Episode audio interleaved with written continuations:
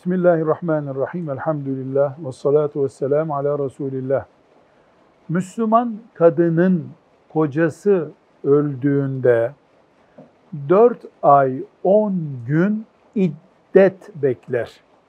İddet beklemek demek bir daha evlenmeyi engelleyen süre geçirmek demek.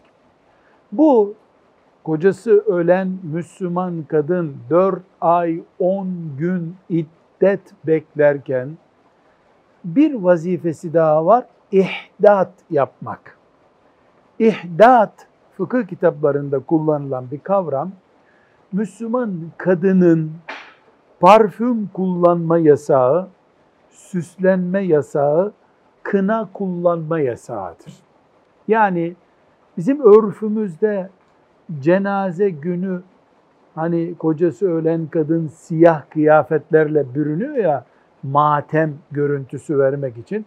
Kocası ölen kadın da 4 ay 10 gün iddet beklerken süslenip normal hayatın devam ettiğini gösteren parfüm, kına, zinetlenme, elbisesinin zinetli olması gibi şeylerden uzak durması farzdır.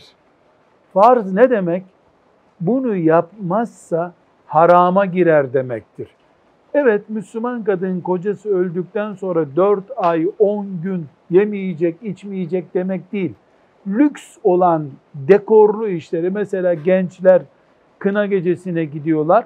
O gitmeyecek. Eline kına vurmayacak. Bileziklerini, kolyelerini kullanmayacak.